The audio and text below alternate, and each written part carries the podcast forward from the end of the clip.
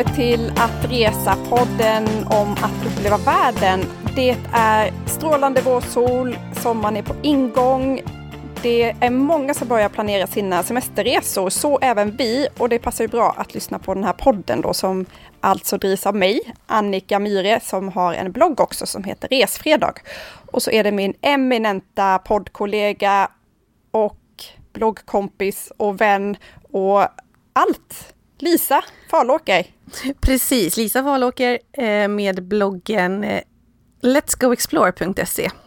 Och vi har faktiskt kommit fram till vårt åttionde avsnitt. Helt otroligt. Vi är inne på... Eh, ja, om 20 avsnitt har vi poddat 100 avsnitt. Det, det är bra. Lisa. Ja, det kommer komma snabbare än vad vi är beredda på, för det känns som att det bara trillar på.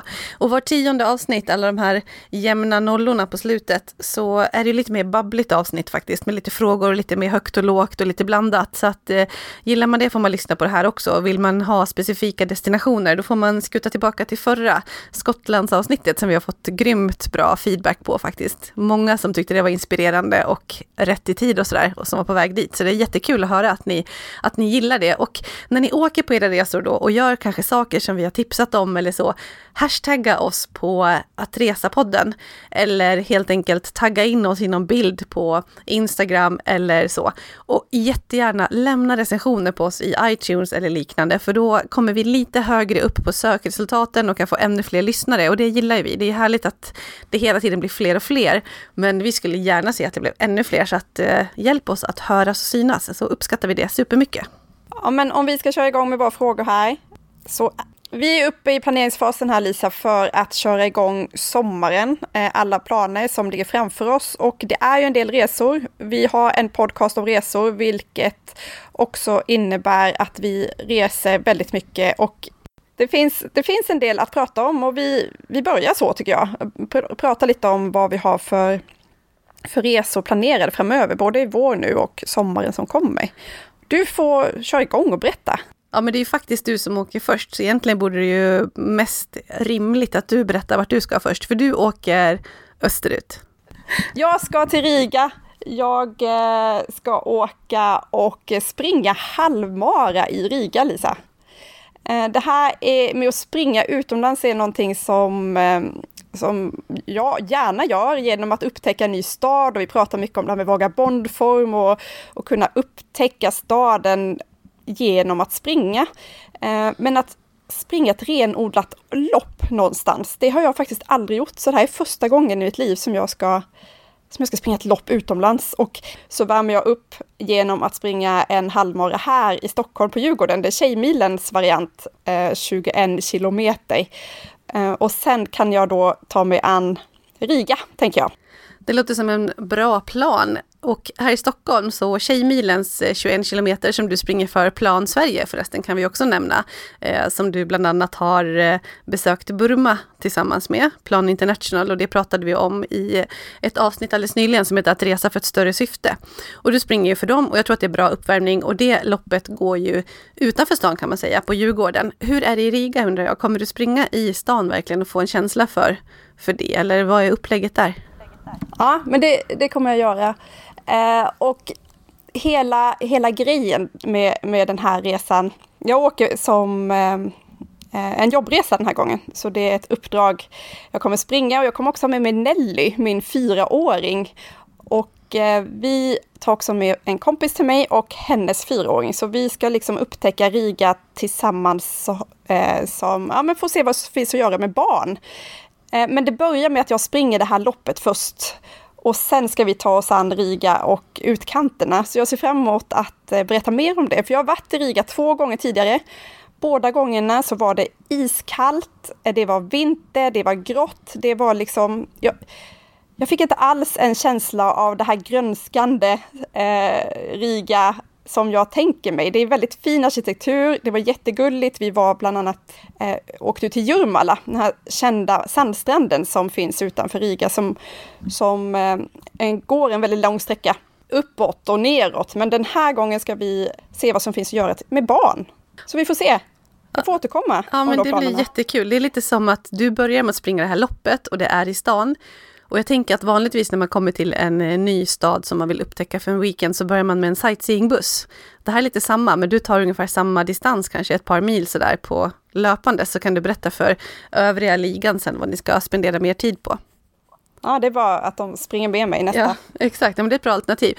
Och Riga är ju alltså, ligger i Lettland.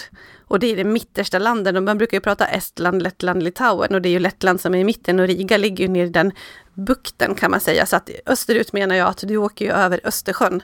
Eh, men det ligger från Stockholm sydöst sett. Det är väl i höjd med Gotland ungefär. Det ser vi fram emot att höra mer om. Så Riga och löpning låter ju kul. Ja, det är min första plan. Och sen så är det fullt ös eh, på sommarsemestern som vi har pusslat ihop nu sista små bitarna jag och Tobias och eh, barnen. Det blir en fullmatad sommar den här gången också. Det, det är inte mycket tid vi hinner spendera i Nynäshamn som ju är en sommarstad. De flesta kommer ju hit på sommaren för att se vad som finns att göra och vi åker ofta härifrån under sommaren och det är ju lite tråkigt på ett sätt. Ja men verkligen, jag känner lite samma som bor i Nacka och som har ett härligt hus som faktiskt är nice att vara i på sommaren. Kommer också bara åka härifrån den här sommaren, liksom alla somrar. Vi brukar ju alltid bara vara runt i Sverige, det är våran sommar. Eller visst, ganska många år så har vi också hyrt hus i Medelhavet ska jag tillägga. Alltså inlett sommarsemestern med att ha en vecka någonstans vid Medelhavet för att det är skönt att bara känna att man får den här värmen som man inte är garanterad i Sverige. För att få lite mer lättja i att släppa allting hemma med eh, ja ja, du vet, tvätta kläder, laga mat, ta hand om barn som, ja men ni vet allt det där, utan att man får en helt annan miljö. Eh, annan miljö får vi i Sverige generellt, men ja, det är nog helt annat när man kommer iväg på det. Men det var ett gäng år sedan nu faktiskt. Och jag tänker också på när första gången var som vi egentligen valde att som familj åka utomlands och inte bara vara i Sverige, som vi har gjort år efter år. Och jag ser det framför mig hur eh, den här sommaren när vi började att åka utomlands på det sättet, att det bara regnade och regnade och vi stod på sportfältet i Bålänge som ett stort, stor, stor, stor gräsplan med eh, massa olika fotbollsplaner. Och så var det Dalecarlia Cup som är en superhärlig fotbollscup där uppe i Bålänge. Jättepopulär bland eh, ja, alltså runt hela landet och internationellt också, har varit superstor när jag var liten och börjar bli lika stor igen. Eh, och i alla fall så står vi på det fältet som är totalt översvämmat i princip. Och Stella och Max var ganska små, så att de kan ha varit ett och tre, kanske två och fyra någonstans. Stella skulle nog fylla fyra. Och de står på den här stora gräsytan. Det är vått överallt, de har på sig full mundering, du vet eh, såna här, gud jag kommer inte ens ihåg vad det heter, sydväst heter det väl, sån här regnhatt som de har när de är små. Just det. Ja, exakt. Mm. Galonbyxor, regnjackor, eh, stövlar och de ser totalt misäriga ut. Och då bokade vi spontant en resa till Barcelona kommer jag ihåg, det var dit vi hittade hyfsat billiga flygbiljetter och eh, hyrde någon lägenhet där inne i El Born, en jättehärlig stadsdel i Barcelona. Eh, och så bodde vi där i den här lilla lägenheten. Superhärligt och efter det var det så här, vi kan inte utsätta oss för det här igen. Då hade det varit ganska många dåliga somrar på rad och då hade vi rätt många år faktiskt när vi åkte utomlands en vecka per sommar. Men nu var det fyra år sedan, men i år blir det en riktig medelhavssommar för oss. Men vad ska ni göra och hur åker ni dit och vad, ja. vilka åker ni med? Vilka åker med? Vi åker tillbaka, vi kör inget nytt utan, eh, ja men du vet, jag tänker ibland att det finns olika syfte med olika resor. Och eh, nu har vi två tydliga resor med olika syften, eh, eller samma syfte och samma typ av konstellation. Vi ska åka med Henkes föräldrar som fyller jämnt. Det är 65 plus 70, så det är fyra födelsedagar och eh, fyra pension. Och sen åker vi med mina föräldrar på en annan resa och då är det min mamma som fyller 70. Så att det är de här fyra resorna som, som pågår för oss. Så att i första resan blir tillsammans med Henkes eh, extended family eller ursprungsfamilj så att det blir föräldrar, syskon med familjer. Och sen är det min med mina föräldrar och eh, min brorsa med familj och eh, närmaste kompis med familj. Så det är två olika såna här storgängsresor. Men först åker vi till Mallorca och då åker vi till Port de Soller. Soller, eller som stavas S-O-L-L-E-R, är en eh, liten by som ligger utanför Palma kan man säga. Det är typ en halvtimme ungefär med turisttåg eller bil dit. Och nedanför där ligger Port de Soyer, så alltså hamnen i Soyer. Vi ska bo där i Port de Soyer och eh, spendera tid runt där en ja, lång helg eller kort vecka beroende på hur man ser det. Så det blir jättemysigt. Och eh, Mallorca har vi också haft ett helt avsnitt om och eh, vi har varit där i Palma tidigare och runt om på Mallorca. Så att det blir en sån här åka tillbaka. Men det blir första gången som jag bor i Port de Soyer och det ska bli så, så mysigt. Hur, hur länge har ni planerat den här resan och liksom hur går det till när ni ska bestämma resmål på en sån här då jubilee, jubilasresa? I det här fallet så var det jubilarerna som var ganska tydliga med att det var just dit de ville. De har nog också varit i Mallorca förut, men för ganska många år sedan. Och Mallorca är lätt ett sånt ställe som man längtar tillbaka till, som har ganska många olika sidor kan man säga, som har det här barn och charterresa, men som har det här bergiga, vandringsvänliga, vackra delarna som har den här ursprungliga charmen, som har små byar där vissa är mer turistanpassade än andra. Det är liksom ett, en liten ö som erbjuder väldigt mycket. Så Mallorca är ett sånt, ja men en jäkla härlig destination bara. Så det var deras önskemål så att vi siktade in oss på resor till Palma. Vi visste på ett ungefär när vi kunde åka. Det här är ju liksom tre familjer som ska komma överens så det är inte helt lätt med barnens aktiviteter och fotbollsskolor och semestrar och allting. Så att det var en helg vi kunde sikta in oss på. Nu har vi förlängt den efteråt så vi åker fredag till onsdag med alla de dagarna tidsmässigt så att vi i princip nyttjar alla de dagarna eh, också. Så att det blir fem dygn kan man säga. Så ja, nej, men sen så visste vi om det så att vi har legat och screenat biljetter ganska eh, aktivt. Och det var det som, av, som avgjorde. Sen var vi sugna på att hyra hus, det är ett väldigt mysigt sätt att bo på tycker jag. Men det var lite svårt när det var kort vecka och vi var så himla specifika på att vi ville bo just i Portisoyer och vi ville ha restauranger och så utanför dörren i princip. Hur, hur mycket reseledare, reiseleiter blir du på sådana typer av resor när du åker med andra? Tar du ett steg tillbaka eller är det så här, mm, nu ska jag boka biljetter, nu ska jag kolla det här, vilka datum kan ni här, här ska vi göra det, jag har förslag på det här. Jag är intresserad av att se ja. hur du funkar i sådana situationer. Nej men lite både och. Å ena sidan så tycker jag om att ha kontrollen och jag känner att jag är påläst, eh, har kollat, jag suger ju in den här typen av information, vart man ska, hur man ska bo. Jag, har, jag litar kanske inte så här jättemycket på andra när det gäller att eh, tolka Tripadvisor information till exempel. Alltså att om jag läser om ett hotell så kan jag, alltså då har jag mina sätt att kolla på.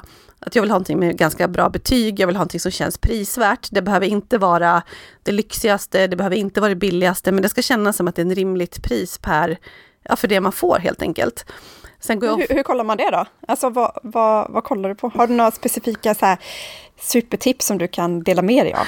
Åh, det hade ju varit jättekul om jag hade haft det. Nej, men jag tycker att man ganska snabbt får en känsla för på ett ungefär vad det kostar med ett rum för en natt då, sen beror det ju på hur man får plats med familjerna och sånt. Men bara få ett benchmark på vad som är liksom ett normalt och rimligt pris på en specifik destination. Till exempel Palma upplever jag att det är ganska dyrt faktiskt, rätt svårt att hitta bra, bra boende. Eh, I Sojer hittar jag helt hyfsat så.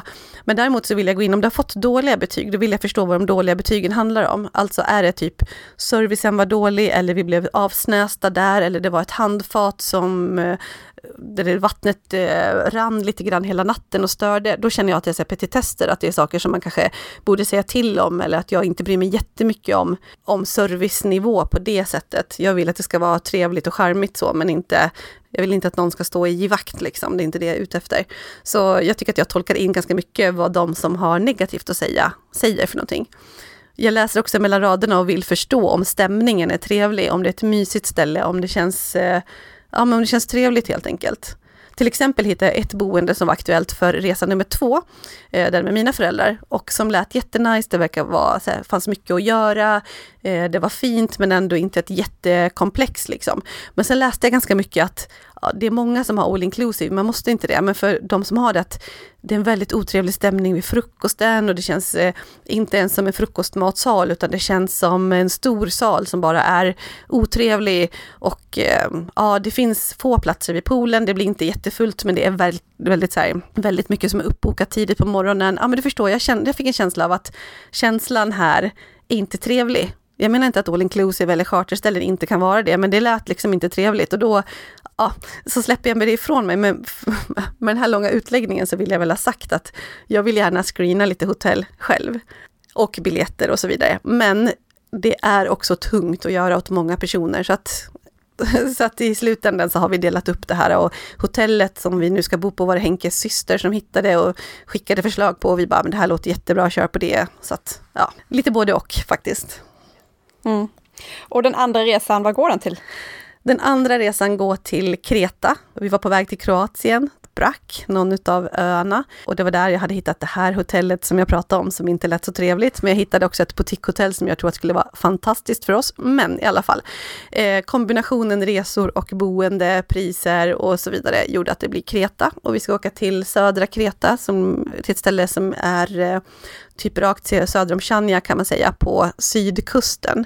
Eh, som heter Paleochora, typ om jag nu minns rätt, som är en ganska liten by som inte är så mycket internationella turister. Det är ganska mycket grekiska turister själva som åker dit. Och, ja, det verkar jättefint faktiskt, väldigt lugnt och, och mysigt. Och Kreta har jag också varit på flera gånger, men inte just där. Men det, är, det är skönt, för då du åker till två destinationer som du kan, eller vad ska jag säga, du, du vet vad, ungefär vad du kommer få nu. Och då kanske man kan njuta av resan på ett annat sätt. Och som du snackade om i början här om syfte, ja men vad är syftet med de här resorna? Ja men det är väl för att de som fyller år här ska ha en härlig semester, att ni ska umgås och ha det skönt. Ja men, jag mig. ja men precis så, liksom familjetid och i en skön omgivning där man kan släppa allt det här vardagliga och man vet att det kommer vara varmt och härligt väder och barnen kommer kunna bada och att det blir något helt annat. Så att, Eh, ja, det är verkligen det syftet. Så att det kommer vara uppleva lagom. Det kommer vara njuta av de här ställena helt enkelt. Sen kanske jag gör någonting. På Kreta är jag väldigt sugen på att vandra Samaria-ravinen. Det har jag varit sugen på i flera år. Vi var på Kreta faktiskt för fyra år sedan. Det var senast vi var på sån här resa. Eh, men jag var ganska höggravid med Meja då, så jag hade siktat in mig på att göra den här. Jag tyckte att jag var så pigg och stark och sådär. Men sen, det var lite för varmt och jag insåg det sen när jag väl började varva ner där, att det inte var ett bra tillfälle.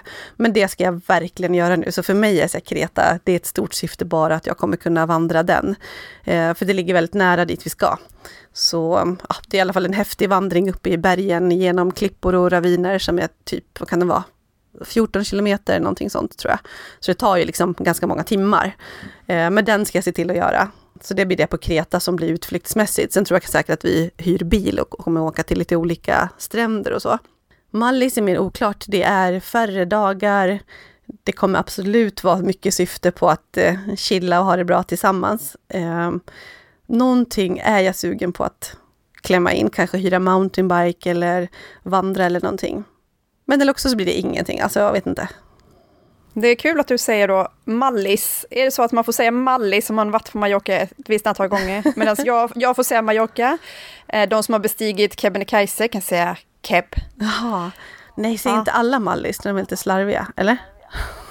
Ja, jag vet inte. Nej, kanske inte. För mig kommer det helt naturligt. Mallis. ja, men i alla fall, ja. nej, men jag ska försöka vara... Eh, jag ska anstränga mig för att inte trycka in en massa och inte tänka att nu är jag ändå här, jag måste passa på det här och det här är så härligt, utan syftet Lisa, syftet. Ja, jag ska skicka sms och påminna dig, ja. mantra, syfte. Exakt.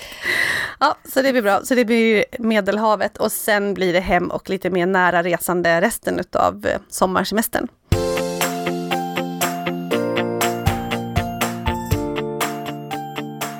Ja, för en grej som ni ska göra med familjen är något som du har bearbetat din man på länge, men nu var det han som föreslog det. Vad var det här som hände? Ja, men är inte det bara det bästa? När man vill någonting så gärna så att man nästan inte kan övertala någon om det för att de blir lite så här äh, jag vet inte, det blir kanske lite för mycket om man ligger på så himla mycket. Och det här är ett sånt ställe som jag tror att jag har sått frön och bara, hur ska jag få till det här? Jag vill det så gärna, hur ska jag få med honom på planen med det här? Men då var det Henke som helt plötsligt sa att eh, nej men när vi åker från Åre, vi kanske verkligen ska ta och göra det här med Norge och Trondheim i år, som vi ju har pratat om i så många år. Jag bara, ja men absolut, nu ska vi se till att vi åker till Trondheim, så ja, det blir bra. Och så finns det en höghöjdsbana mellan Trondheim och Åre som heter typ Rydtoppen eller Rydfjällets topp eller något sånt där, som ska vara jättekul. Så det måste vi ha i år, nu är barnen tillräckligt stora, tänker jag.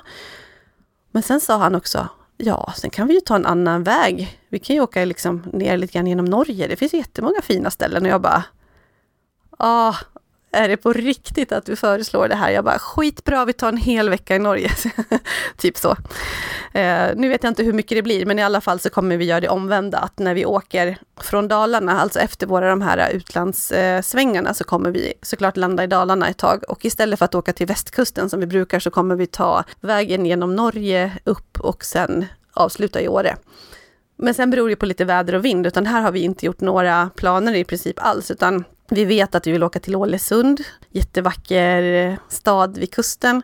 Vi vet att vi vill åka Trollstigen som är en slingrig väg över bergen och nära nationalpark. Eh, vi vet att vi vill upp till Trondheim och till den här höghöjdsbanan och sen får vi se hur vi, hur vi lägger upp det. Men vad kul! Ja, jag, jag skulle vilja se din min när han bara, ja det kanske bara, ja det kanske vi skulle. Ja men du vet, jag fick ju ligga lite lågt, man får inte bli för så här. Nej! Nej. Nej, så att jag, nej, så att jag, jag så Spela att cool. nej men så sanningen är ju att jag har ju inte sagt så här, vi tar en vecka Norge och en vecka Åre, utan jag har ju sagt typ att ja, vi tar väl en fyra, fem dagar Norge då, vi behöver inte stressa och sen så får vi väl ta höjd för en vecka i Åre så att vi vet om det är bra, vill vi ju vara där länge. Så det innebär, nu hoppas jag att han inte lyssnar, han brukar göra det, men det innebär att jag räknar med två veckor Norge, Åre. Han kanske tror en vecka totalt. Men det kommer lösa sig innan vi är där. Och sen mycket Sverige, resten. Eller sen är typ semestern slut. Ja, men exakt. Nej, men det blir lite Dalarna, lite Åre. Eh, vi kommer köra lite hotellfokus i år i, i ett samarbete med Countryside Hotels. Lite Uppsala ska jag uppleva, precis som du gjorde förra året. Så det ska bli superkul. Ska djupdyka i några städer och ställen. Så ja. Det låter bra Lisa. Syftet, kom ihåg det nu. Syfte. Det är det. Mm, syftet.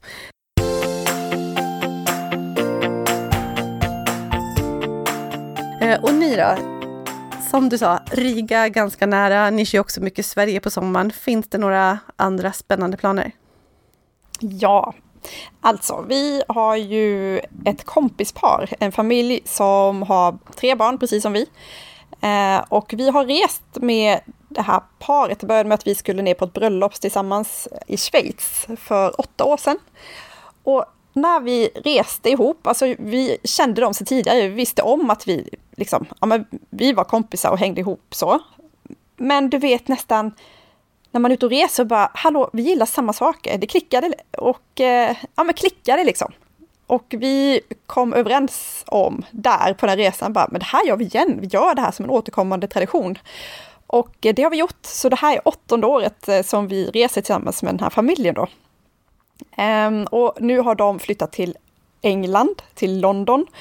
Uh, så vi sa direkt när vi fick reda på det att men då måste vi åka och hälsa på er såklart. Och uh, flera av våra resor tidigare har gått till Storbritannien och Irland så att ja, vi har koll på det där. Och dessutom är det så att Tobias, min man, han har bott i England, han har bott i Wales i två år och han har alltid sagt så här, okej, okay, när barnen är tillräckligt stora så ska jag ta med er och visa runt liksom där jag bodde och så. Och det har liksom aldrig blivit av. Men nu är barnen tillräckligt stora, Lisa. Det är en ny epok som håller på att hända i vårt liv. Så att vi ska dit. Vi ska till Wales och vi ska upp till Lake District och sen ska vi ner och eh, ja, hälsa på våra kompisar i London. Så vi gör en liten kombo där. Vi ska vara borta ett tag och åker direkt. Vi åker över midsommar, vi brukar vara borta över midsommar. Jag är inte jätteförtjust i i svensk midsommar brukar regna bort ändå. Så, ehm, så det är vår plan för eh, utlandssemestern just över sommar, sommarlovet. Men Wales, flyger ni in dit då eller kommer ni åka roadtrippigt från London eller vad är planen?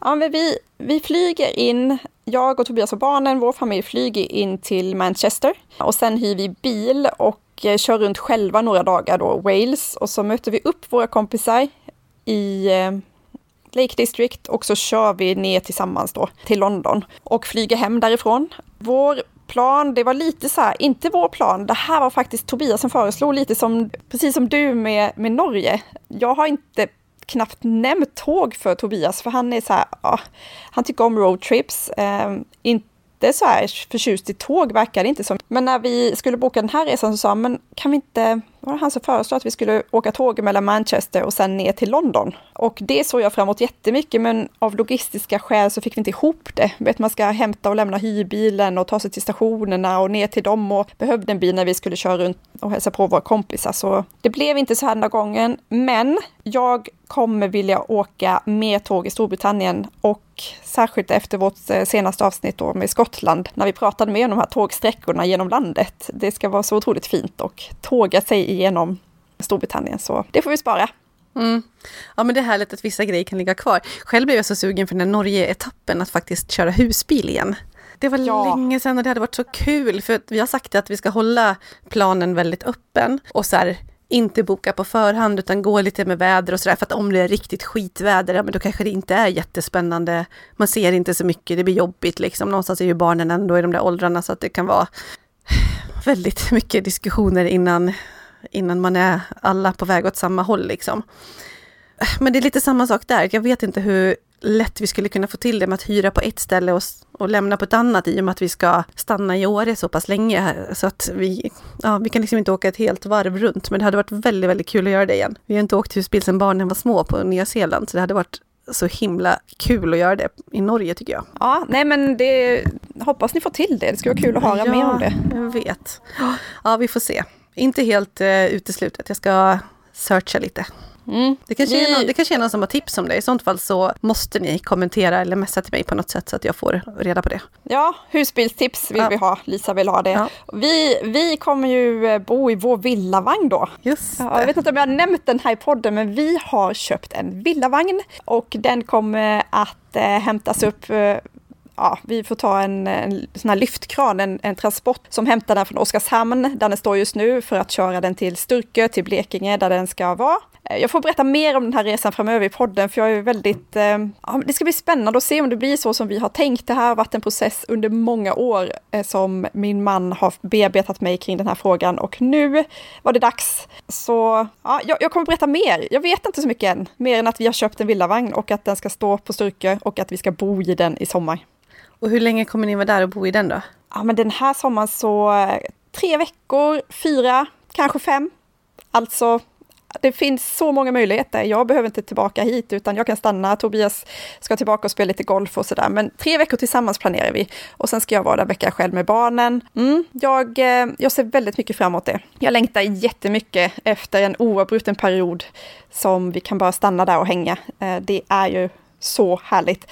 Innan det ska vi till västkusten igen. Eh, vi brukar ju vara där också på somrarna. Och eh, den här gången ska vi faktiskt testa lite mer inlandet av västra Sverige. Och det är också en jobbresa jag kommer göra med familjen och då kommer vi köra något som heter Västgötaturen. Eh, så vi ska till Skara Sommarland, vi ska till Läckö slott, Karlsborgs fästning, Arena Skövde, också ett vattenland och så ska vi cykla lite vid Göta kanal. Nej, det här men är vad vi, kul! Ja, ja, men jag ser jättemycket fram emot det här. Eh, jag, eh, vi håller på att planera programmet nu, så jag vet inte så mycket. Men jag ser fram emot det. Och ser fram emot att berätta mer för er här i podden om vår resa och hur det var. Ja, men det låter jättekul. Det finns många områden i eh, Sverige som vi kan bli ännu bättre på att, att lyfta upp tydligare som destinationer, för det är många ställen som vi känner till väldigt väl och vi har ju djupdykt i några. Vi har djupdykt i Karlstad, Stockholm, vi har pratat västkusten och en massa, men jag tror att vi ska bli mer specifika i svenska destinationer också. Så det hoppas jag att ni lyssnare också skulle uppskatta, så får vi se hur vi lyckas vinkla det destinationsmässigt. Ja, och det ska jag också säga då att vi tar ju alltid, det är jättekul när ni hör av med önskemål om vi har en lång lista på gäster som folk har önskat. Vi håller på att beta av den här sakta men säkert, men också såklart destinationer och specifika städer. Jag tänker att vi får gå in och djupdyka i destinationsavsnitten. Då är det okej, okay, för då kan man bara liksom spola över det om du inte vill lyssna på det. Så kan du hoppa till nästa avsnitt istället. Exakt, det är lite olika om man föredrar de här destinationerna eller mer snacket liksom. Yes, ja men då så, då kommer vi täcka in en hel del i sommar. Sverige med en massa nya ställen, både norr, söder, västkust, inland, eh, Norge, Mallorca, alltså Spanien då. Mallis! Mallis. Grekland, Kreta, Riga och England. Ja, mm. Wales, Storbritannien. Grymt!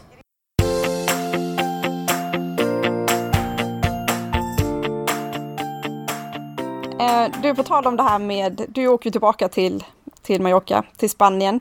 Och det är en av de absolut populäraste resmålen som finns för oss svenskar just nu. Det har precis släppts en resespaning något som heter Resebarometern som görs varje år av Vagabond och den här gången så gjordes det tillsammans med ERV, Europeiska reseförsäkringar.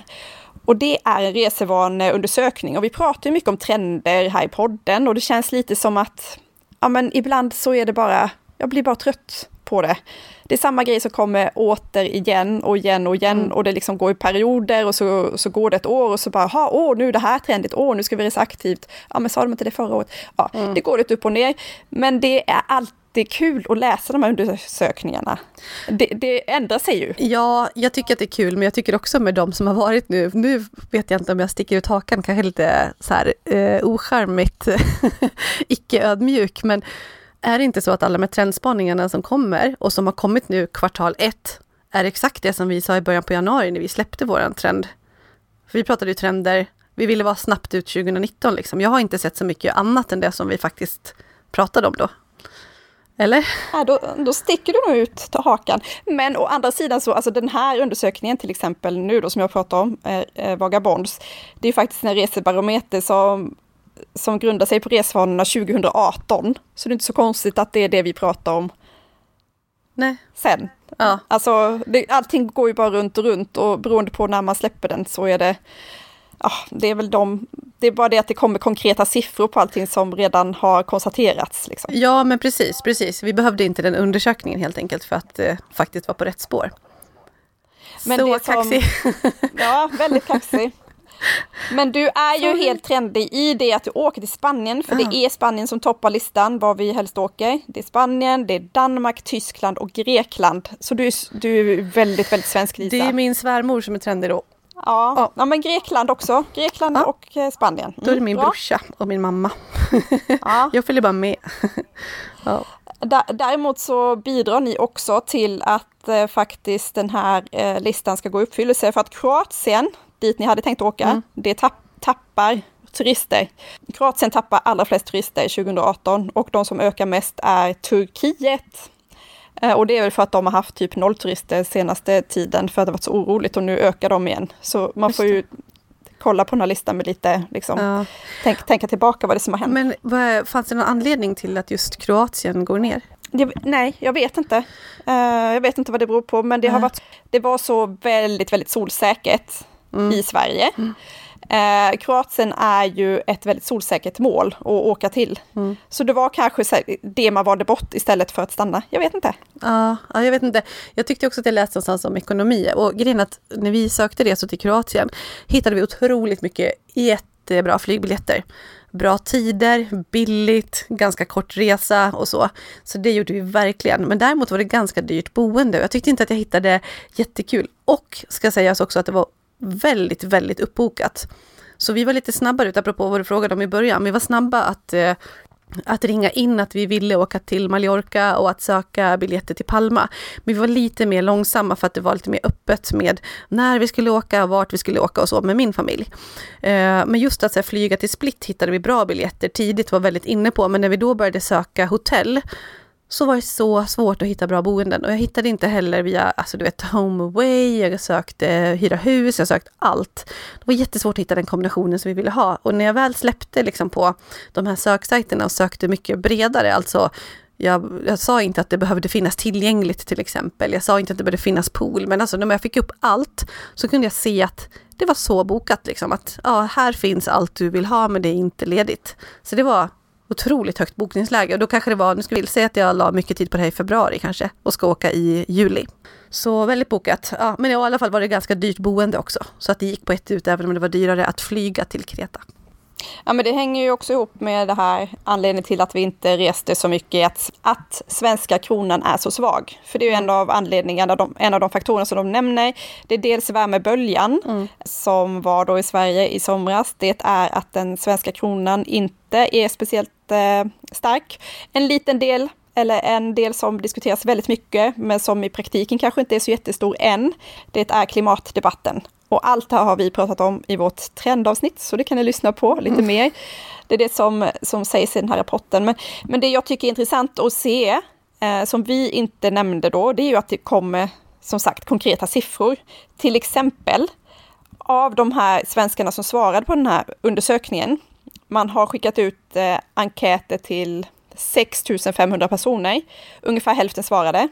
Eh, och av de hälften så hade, då hade ungefär 2 000 personer rest utomlands. Och när de svarade på frågorna så flög 65 procent av de här till sin destination, alltså man flög.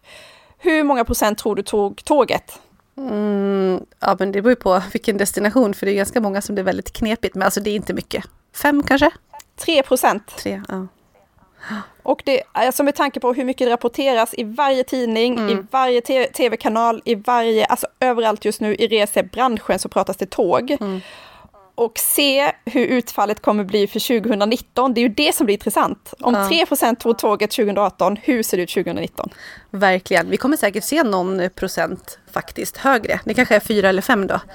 Ja, jag tror, jag tror mer. Ja, ja. ja kanske. Men, Men problemet alltså, är ju ändå så här, utbudet och hänger det med liksom? Ja, jag vet inte.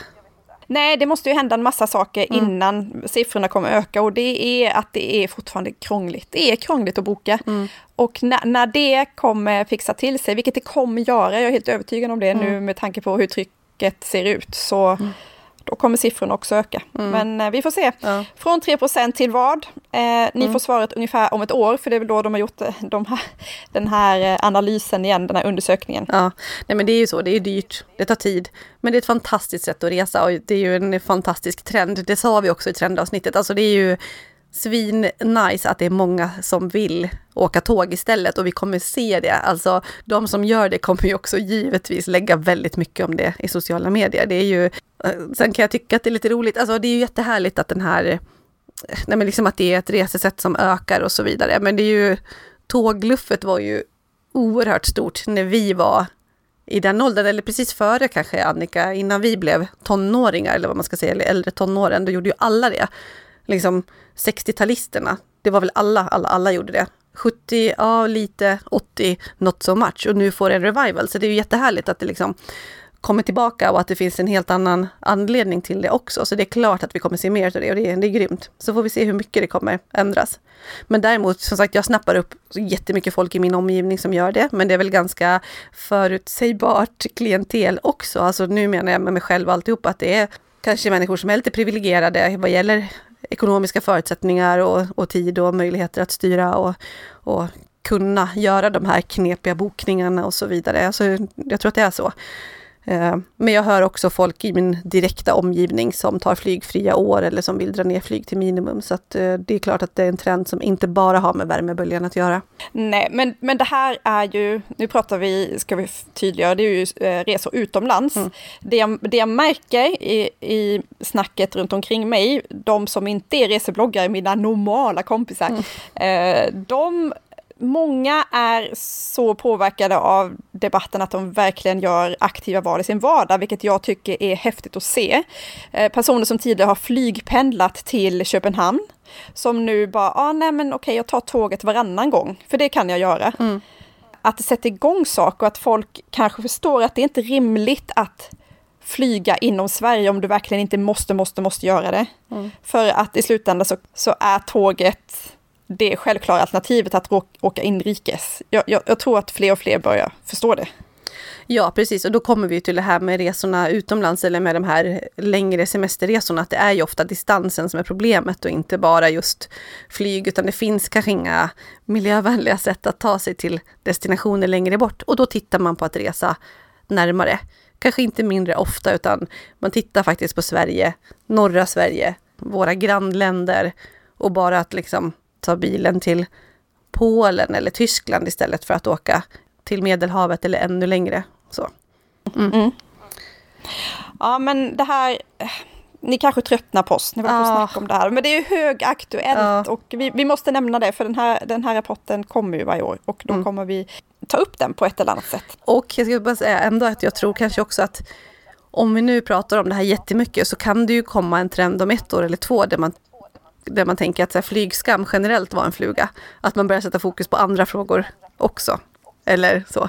Eh. Ja, det, det ser jag verkligen fram emot och jag tycker mig ha sett en liten förändring. Ja. För att ni pratar om klimatdebatten, den stora.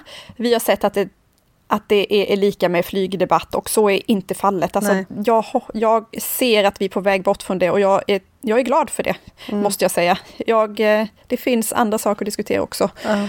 Och eh, mm, vi, vi, får se vad det tar vägen. Ja, det kanske blir nästa våg.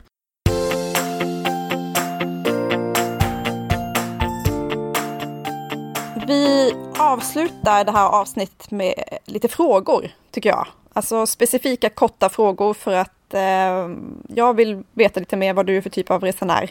Vi hade ju faktiskt ett av våra absolut första, var inte det vårt första avsnitt? Där vi pratade om olika typer av resenärer. Ja, jo, men precis, det var allra första avsnittet. Det var, det var väldigt, väldigt länge sedan. Ja. Men om vi kör en upgrade på den. Ja. Um, för ett tag sedan så gjorde jag en, en lista i min blogg som heter Backpacker eller Suitcaser? Vem är du? Och det här med Suitcaser, det var en eh, bekant till mig som myntade upp uttrycket eh, i Thailand. Han, han sa att han suitcasade sig fram i Kambodja. med en familj med två barn som inser att det här med backpackerlivet är liksom länge förbi. Utan nu vill de rulla fram sina resväskor. De vill ha bekväma hotell. De vill ha lite äventyr också, men de tycker att det är härligt att eh, och resa runt med en resväska. Ja, vem är du då? Backpacker eller suitcaser? Jag vill ju vara en backpacker. Jag känner mig som det i själen, men rent eh, praktiskt så, så blir jag mer och mer en suitcaser. Men jag kommer inte släppa den där backpacken i mig. Det kommer jag inte. Du då? Alltså du kommer aldrig se mig resa runt med en hård resväska. Nej, där, där, går gränsen. Där går gränsen, alltså by far. Mjuk, sportig, eh, sån här, eh, det kan jag göra, rullväska, men jag vill kunna slänga upp den på ryggen och jag älskar känslan, alltså innerst inne är jag backpacker och när mina barn blir lite äldre, då kommer jag vara en backpacker igen. När jag är 63 och äh, äntligen kommer till Machu Picchu som jag har drömt om, ja, då kommer jag ha ryggsäck på ryggen det kommer aldrig gå ur mig, men jag vet, nej, nej, nej, nej, jag reser aldrig med ryggsäck nu. Jo, ibland när jag reser själv, men ja, nej.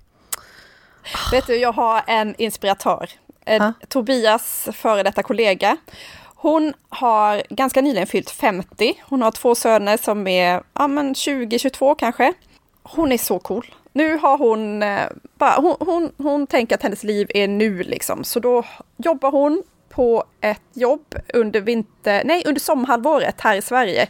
Hon har flyttat ut till sin kolonistuga, sålt huset. Så jobbar hon ihop pengar och sen backpackar hon. Nu har hon varit i Indien i flera månader och rest runt i Thailand och hon har de mest fantastiska bilderna i sitt flöde och är med om de mest otroliga resorna och synerna och historierna. Alltså hon är så cool. Och jag tänker att hennes...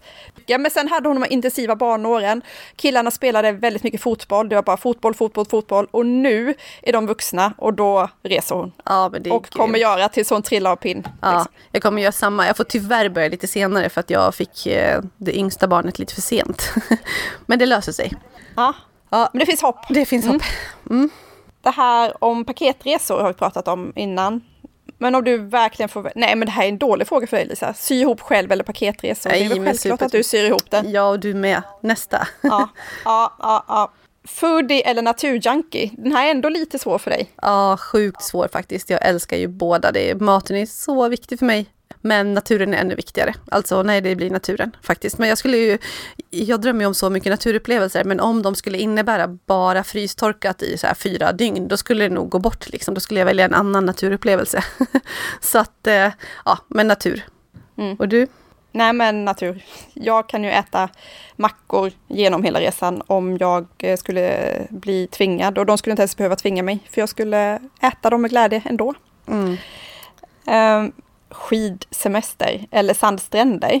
Den är ju jättesvår, men jag tycker skidsemester, för jag gillar det här med att vara aktiva och vara liksom tillsammans och jag älskar själv eh, upplevelserna där mycket mer än på sandstränder. Jag tycker stränder är, ah, det är lite tråkigt så. Sen kan det vara härligt. Och sen med barnen, det är klart alltså åka skidor på skidsemester med barnen kan vara rent över jävligt jobbigt faktiskt. Det ska man ha klart för sig. Det är, det är bestiga Kebnekaise på riktigt. Sen är det alltid mm. värt det när det väl när man är liksom, eh, har en härlig situation typ någon gång om dagen eller så.